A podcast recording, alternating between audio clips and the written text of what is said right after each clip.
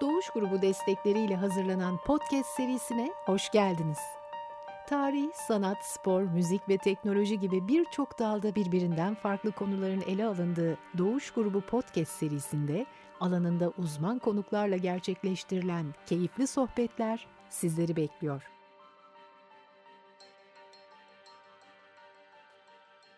Merhaba, bugün Doğuş Grubu podcast serisinde Doğuş Otomotiv olarak sevgili arkadaşım Scania Pazarlama Müdürü Levent Can Özokutucu ile beraberiz. Ben Ebru Kantoğlu, Doğuş Otomotiv Kurumsal İletişim ve Sürdürülebilirlik Müdürüyüm. Bugün sizlerle sürdürülebilirlik üzerine sohbet edeceğiz. Bildiğiniz gibi bugünlerde gündem oldukça daha fazla sürdürülebilirlik üzerine konuşuluyor. İklim değişikliği, küresel ısınmanın etkilerini hissettiğimiz son günlerde sürdürülebilirliğin çevresel yaklaşımları özellikle gündemimizi oluşturmakta. Peki hani sürdürülebilirlikle kurumsal sürdürülebilirlik arasında öncelikle hani fark nedir? Sürdürülebilirlik kaynakların verimli kullanımı iken kurumsal sürdürülebilirlik ise aslında sizin paydaşlarınızla beraber paydaş beklentilerini algılayarak odak alanlarınız yani etki alanlarınızın üzerindeki negatif etkilerini azaltmaya çalıştığınız ve kaynaklarınızı verimli kullanmaya başladığınız bir süreç. Bu konuda özellikle bizim çalıştığımız otomotiv sektörü başka birçok konuda olduğu gibi öncü ve liderlik eden bir sektör. Bugün baktığımızda tedarik zinciriyle, yan sanayiyle, ulaştığı çalışan büyüklüğüyle otomotiv sektörünün aslında bu rolü üstlenmesi biraz da normal kabul edilebilir. Bu noktada Volkswagen grubu bünyesinde özellikle Scania öne çıkan bir marka. Ben de biraz sözü Levent'e devrederek Scania'nın sürdürülebilirlik alanında öne çıkışıyla sohbetimizi başlatmak istiyorum. Evet Levent'ciğim söz sende. Çok teşekkürler Ebru. Tekrar merhaba diyelim. Çok haklısın. Açıkçası yani söylediğine şöyle bir katkıda bulunmak istiyorum. Aslında negatif bir katkı. Biz bu kaydı aldığımız tarih 25 Ocak ve 25 Ocak'tan önceki hafta sonu İstanbul'da hava sıcaklıklarında 18 dereceyi gördük Ocak ayında. Artık iklim değişikliği, iklim krizi belirli bir konsept veya belirli bir kavram olmaktan çıktı. Gündelik hayatlarımızı da etkiler bir noktaya geldi. Sorduğun soruya gelecek olursak Scania'nın muhtemelen dinleyicilerimiz de soracaktır. Yani Scania özelinde, ağır ticari özelinde neden bunu konuşuyoruz diye.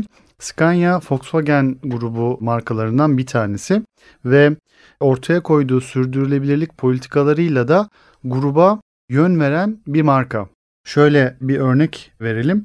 20 Eylül 2019'da iklim gününde tüm dünyadaki fabrikalarını bir saatliğine kapattı. Bu iklim değişikliğine dikkat çekebilmek adına. Daha sonra işte 22 Nisan'da biliyorsun Paris İklim Anlaşması'nın imzalandığı gün Dünya Günü olarak kabul ediliyor. 22 Nisan'ı sahiplendi ve 2022 yılında Volkswagen grubu artık hani bunun bayrağını Scania'dan devraldı ve bütün grup adına 22 Nisan'ı sahiplendi ve sürdürülebilirlik alanındaki adımlarını açıkladı. Bu noktada tabii otomotiv sektörü dediğin gibi sürdürülebilirlik tarafında özellikle karbon emisyonunun azaltılması noktasında önemli bir endüstri. Şu anda sektör elektrikli araç dönüşümünden geçiyor. E, ağır ticari araç sektörü de bundan etkileniyor, etkilenecek. Orada da bu sektörde de elektrikli araçların hızla artacağını öngörüyoruz. Özellikle 2030 yılında iki araçtan bir tanesinin elektrikli araç olacağı öngörülüyor ağır ticaride. Scania'nın hedeflerine gelirsek Scania ağır ticari araç sektöründe Paris İklim Anlaşması'nı imzalayan ilk marka. Bununla da yetmedi. Climate Pledge'i imzaladı ve dedi ki Paris İklim Anlaşması'ndan 10 sene önce bu tarihi 10 sene erkene çekerek e, net sıfır hedefine ulaşacağım sözünü verdi. Tabii bu vizyon aynı zamanda dünyada da başka noktalarda görev almasına yol açtı. İşte CEO Alliance dediğimiz 30'a yakın şirketin CEO'larının oluşturduğu bir böyle bir dernek, bir kuruluş var. Yine oradaki CEO'luk görevini Scania CEO'su Christian Levin devraldı. Ve aynı zamanda Volkswagen grubunun da ağır ticari araç grup şirketi olan Traton'un da yine CEO'luğunu ve sürdürülebilirlik politikalarını da Scania yürütüyor. Burada Scania'nın öne sürdüğü 2025 yılında operasyonlarından kaynaklı karbon emisyonunu %50 oranında azaltmak. Yine 2025 yılına geldiğimizde ürünlerden kaynaklı karbon emisyonunu da %20 azaltmak. Bunun tabii senin de söylediğin gibi en önemli noktası içten yanmalı motorlardan elektrikli araçlara geçebilmek. Ama burada Scania çok başka bir bakış açısı getirdi açıkçası. Biz bir çok yeni bir elektrikli araç modeli beklerken 2019 yılında çok büyük bir lansman yaptı. Aracın %60'ını değiştirdi, güncelledi içten yanmalı motorda ve dedi ki benim araçlarım bir önceki nesle göre artık %8 daha az yakıyor. Tabii hepimiz sorduk yani biz elektrikli araç beklerken neden içten yanmalı motorlara bir update daha getirdiniz diye. Hesap çok net. Elektrikli araca geçiş var. Bu geçişi yönetiyoruz. Bu bu tarafta araç modeli üretmeye devam ediyoruz ama mevcuttaki ürün gamımız bir 10 sene daha tedavülde kalacak.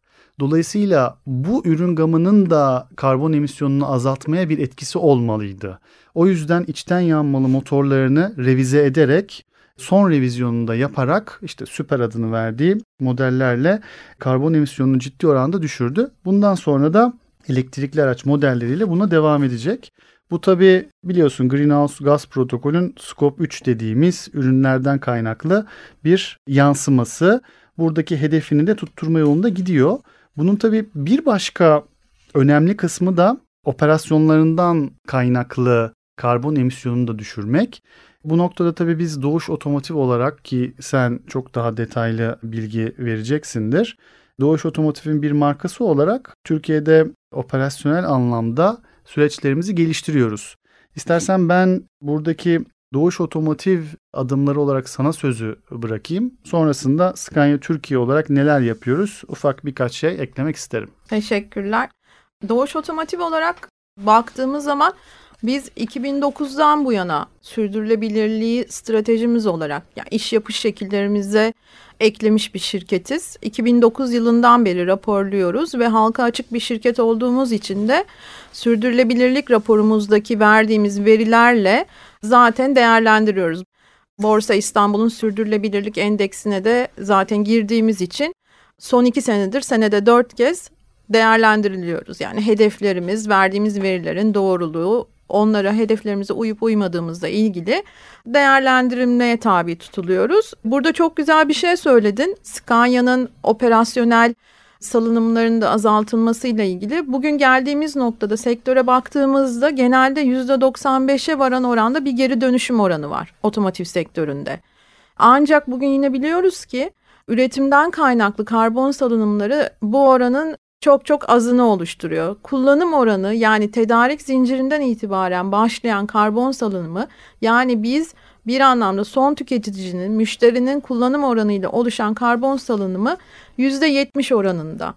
Biz Doğuş Otomotiv olarak bir distribütör olarak, üretici olmayan bir şirket olarak bu noktada hedeflerimizi belirleyerek pek çok önlem alıyoruz. Bu sadece aslında çevresel değil, paydaş katılımımızla beraber yani bizim ortak iş yaptığımız insanlar bunlar nedir? Bayilerimiz, tedarikçilerimiz, müşterilerimizle beraber etki alanımızdaki etkimizi, negatif etkimizi pozitife çevirmek ve karbon ayak izimizi azaltmak için pek çok önlem almaktayız, adımlar atmaktayız. Bunların en önemlisi belki de geçen sene başlattığımız güneş enerjisi yatırımları, tedarik zincirimine yönelik karbon salınımı konusundaki ayak izi ölçümleri, yetki satıcılarımızla başladığımız ve aslında tabii ki bunların hepsinin bir en önemli bacağı da eğitim ve farkındalık çalışmaları.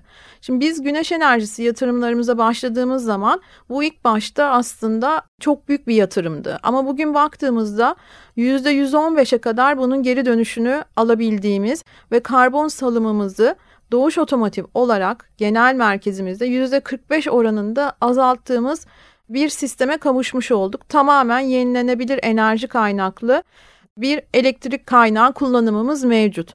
Ve tabii bunu sadece Doğuş Otomotiv'de değil, bayi teşkilatımızda da yaymak hedef ve bugün 7-8 bayimizde güneş enerjisi yatırımları mevcut ve biliyorum ki sen de bunu zaten belirteceksindir. Bunları ilk yatırımları yapanlardan biri de yine Scania bayileri oldu. Bu da bizi bir distribütör olarak bu noktada beraber paydaşlarımızla ilerleyeceğimiz en önemli noktalardan biri olduğu için çok memnun etti.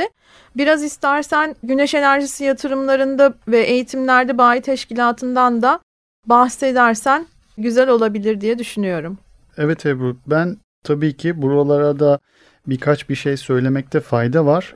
Özellikle hani ilham olabilirsek ne mutlu ama çok önemli bir şey söyledin. Ürünlerden kaynaklı karbonun aslında operasyonlardan yani müşteri tüketiminden çok daha düşük olduğundan bahsettin. Belki bizi dinleyenlere de böyle ilham olabilir. Çok güzel bir örnek vermek istiyorum ki ben gördüğümde inanamamıştım. Şimdi bir aracın ağır ticaride toplam karbon emisyonunun %70'i aküden geliyor, bataryadan. %18'i metalden, çelikten geliyor. %3'ü plastikten, işte %2'si lastiklerden, %5'i alüminyumdan ve kalan %3'ü de 2,5'u da diğer malzemelerden geliyor. Şimdi yeşil enerji diyoruz. Evet elektrikli araçlara geçiyoruz ama çelikte de inanılmaz bir karbon salınımı var çelik üretiminde. Ve aslında bu insanoğlunun istediğinde de neleri başarabileceğine dair çok güzel bir örnek. İnsanoğlu 3000 yıldır çelik yapıyor, üretiyor ve bildiği bir formül var. İşte onu ısıtarak, içine karbon katarak demiri çelik haline getirmek. Ve bu küresel iklim kriziyle alakalı karbonun yerine hidrojeni nasıl koyabiliriz çalışması başlattı. Gerçekten çok etkilendim okuduğumda çünkü dediğim gibi 3000 yıldır biz çelik yapmayı biliyoruz ve 3000 yıl sonra diyoruz ki biz karbonu hangi elementle değiştirirsek daha az karbon salınımına yol açarız diye. Dolayısıyla evet yani bizim ürünlerden değil kullanımdan kaynaklı net sıfır hedefine ulaşmamız yani bu tarafı geliştirdiğimiz zaman bu hedefe ulaşmamız daha olası. Bahsettiğim gibi aslında Doğuş Otomotiv olarak birçok aksiyonumuz var. Bu noktada biz biraz iş ortaklarımızı yani yetkili satıcı ve servislerimizi nasıl bu işin içine katabiliriz? Onlardaki bu farkındalığı nasıl kullanabiliriz? Biraz bunun çalışmasına başladık son iki yıldır. Şu anda Scania tesislerinin %20'si güneş enerjisiyle kendi enerjisini üretiyor. Ve bunu belki mutlulukla söylemek lazım ama ürettiğimiz elektrik şu anda harcadığımız elektrikten fazla. Dolayısıyla kullandığımız elektriğin tamamını güneş enerjisinden elde edebilir durumdayız. Biz bununla beraber tüm teşkilatımıza, satış ve servis kadrolarından iş ortaklarımıza kadar bütün teşkilatımıza bir sürdürülebilirlik farkındalık eğitimlerine başladık. Ve bu işin neden önemli olduğu, nelerle fark yaratabileceğimizi tüm Scania çalışanlarına anlatmaya çalışıyoruz. Yine sadece biz değil müşterilerimizin de yani Scania'dan hizmet alan müşterilerimizin, misafirlerimizin de bu farkındalığa erişmesini arzu ediyoruz. Bunun için de tüm müşteri noktalarımıza geri dönüşüm kutuları gönderdik ki neden önemli ve Scania olarak biz neden bu konuya atıfta bulunuyoruz bunu ortaya koyabilmek için. Yeni bir atık yönetimi prosedürü hazırladık. Aslında atık yönetimi Türkiye'de de belirli çerçevelerde, belirli kanunlarla düzenlenmiş. Hı hı. İşte atı yağınızı her yere atamıyorsunuz işte akü vesaire gibi elektronik malzemeleri geri dönüştürme mevzuatları var. Ama burada önemli olan işte bu geri dönüşüm malzemelerini geri dönüşüm noktalarına kadar nasıl muhafaza edeceğiniz. İşte hep bunları anlatıyoruz. İşte aküleri toprakla temas ettirmeyin vesaire gibi. Yeni bir atık yönetimi prosedürü hazırladık. Sırf bu da değil. Yine az önce bahsettiğim gibi bizim biz de kendi üstümüze düşen görevi yapmak adına artık satılan her araç başına 5 fidan bağışında bulunuyoruz. Tamamen maliyeti biz üstlenerek müşterimizin adına yaptığımız bir adım. Beraber umarım bu sene içerisinde senin de desteklerinle tüm satış ve servis noktalarımızın karbon ayak izi ölçümüne geçmek istiyoruz. Bu çok önemli bir gösterge. Çünkü buradaki ölçüme başladığınız zaman aslında ihtiyacınız olmayan ve fazla harcadığınız enerjiyi de fark edebiliyorsunuz. Biliyorsun UNDP'nin hedeflerinden bir tanesi sorumlu üretim, sorumlu tüketim. Hı hı. Tabii ki biz güneş enerjisiyle bir ihtiyacımız olan yeşil enerjiyi üretmeye çalışıyoruz ama aynı zamanda tüketimimizi de sınırlamamız lazım. İhtiyacımız olmayan tüketimlerden kaçınmamız lazım. Umarım bu yıl içerisinde bunu da başlatıp tüm tesislerimizdeki tüketim kısmını kontrol altına almaya çalışacağız. Tüm bayilerimizde bir ağaçlandırma çalışması başlatacağız bu bahar ayında. Dolayısıyla iş ortaklarımızla beraber yine Doğuş Otomotiv'in stratejisi doğrultusunda bir yeşillendirme çalışmamız olacak. Ve en sonunda da aslında tüm bu süreçlerin bir finansal bir katkısının da olması gerekiyor ki bana katılır mısın bilmiyorum. Dünya da biraz buraya gidiyor. Yani yeşil kredi dedikleri, yeşil finansman dedikleri noktada bu işi yapan kişilerin, kurumların, şahısların maliyetlerini ucuzlatma ya da finansa kolay erişim gibi bazı şeylerden bahsediliyor. Biz de aynı şekilde gerçekten bu dünyanın net sıfır hedefine ulaşması için elini taşın altına koyan tüm partnerlerimizle, iş ortaklarımızla gerçekten bu işi yapanlara finansal olarak da destek olmaya çalışacağız. Yine yıl içerisindeki adımları atan iş ortaklarımızla beraber. Açıkçası bunun sen de biraz bahsettin. Tabii Scania olarak ayrı bir aksiyon alıyoruz gibi görünse de aslında biz Doğuş Otomotiv'in bir toplam iş ortakları içerisinde de üzerimize düşen payı yapmaya çalışıyoruz diyerek sana sözü vermek istiyorum. Bilmiyorum Doğuş Otomotiv olarak buraya eklemek istediklerin olur mu? Sağ ol Levent'ciğim.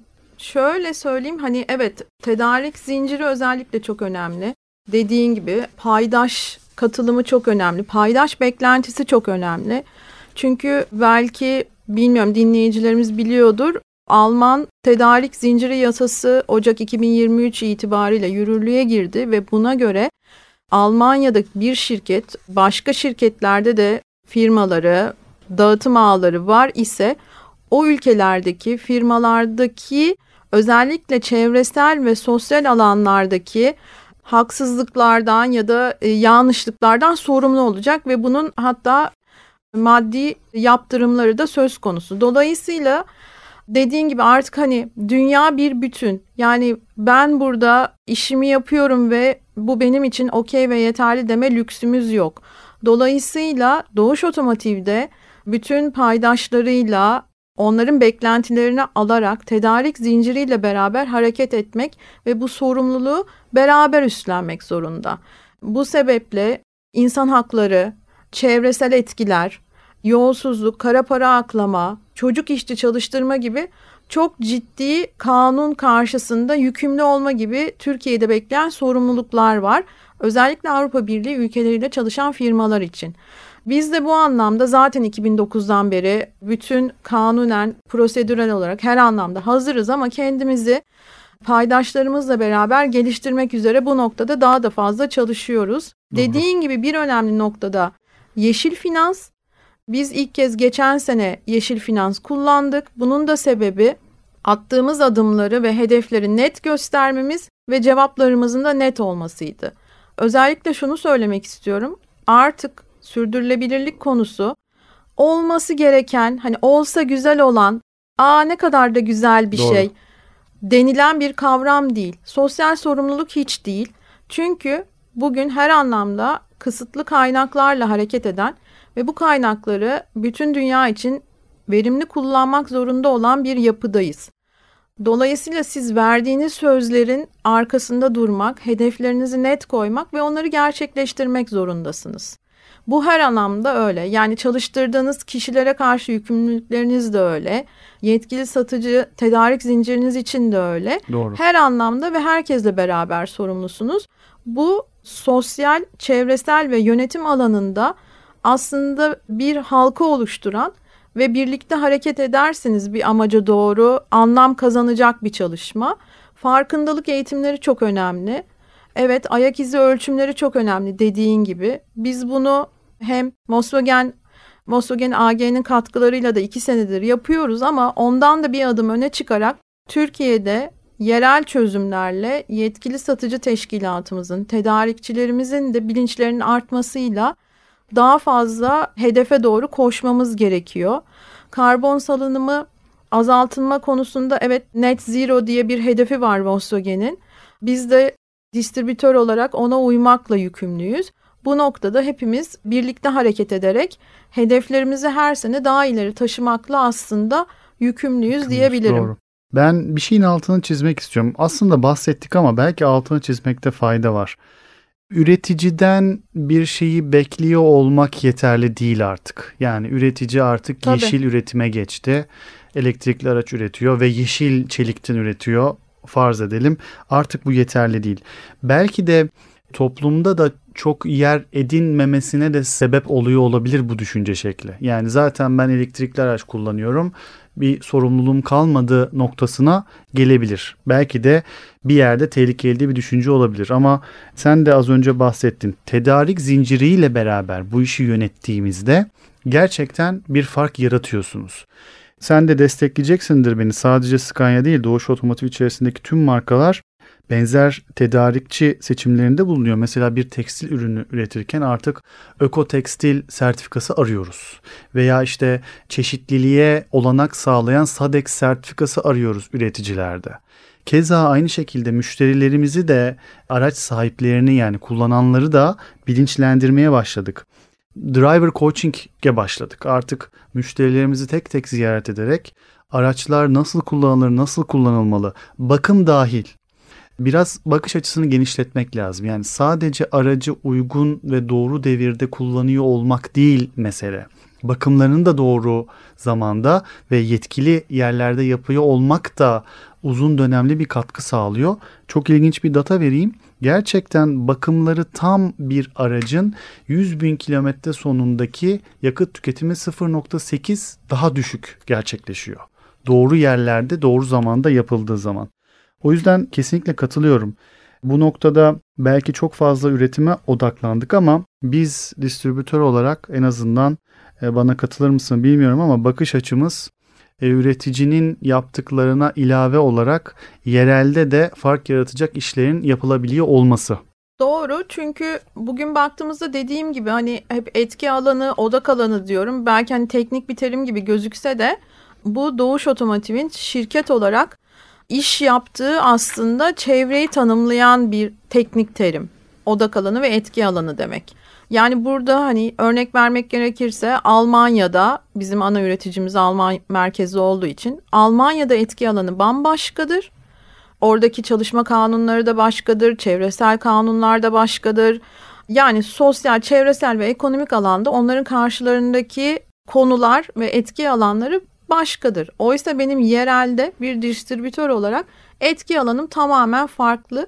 Keza bir üreticinin de benden çok daha farklıdır. Ben atık yönetimimde bir üreticiye göre biraz daha şanslıyım.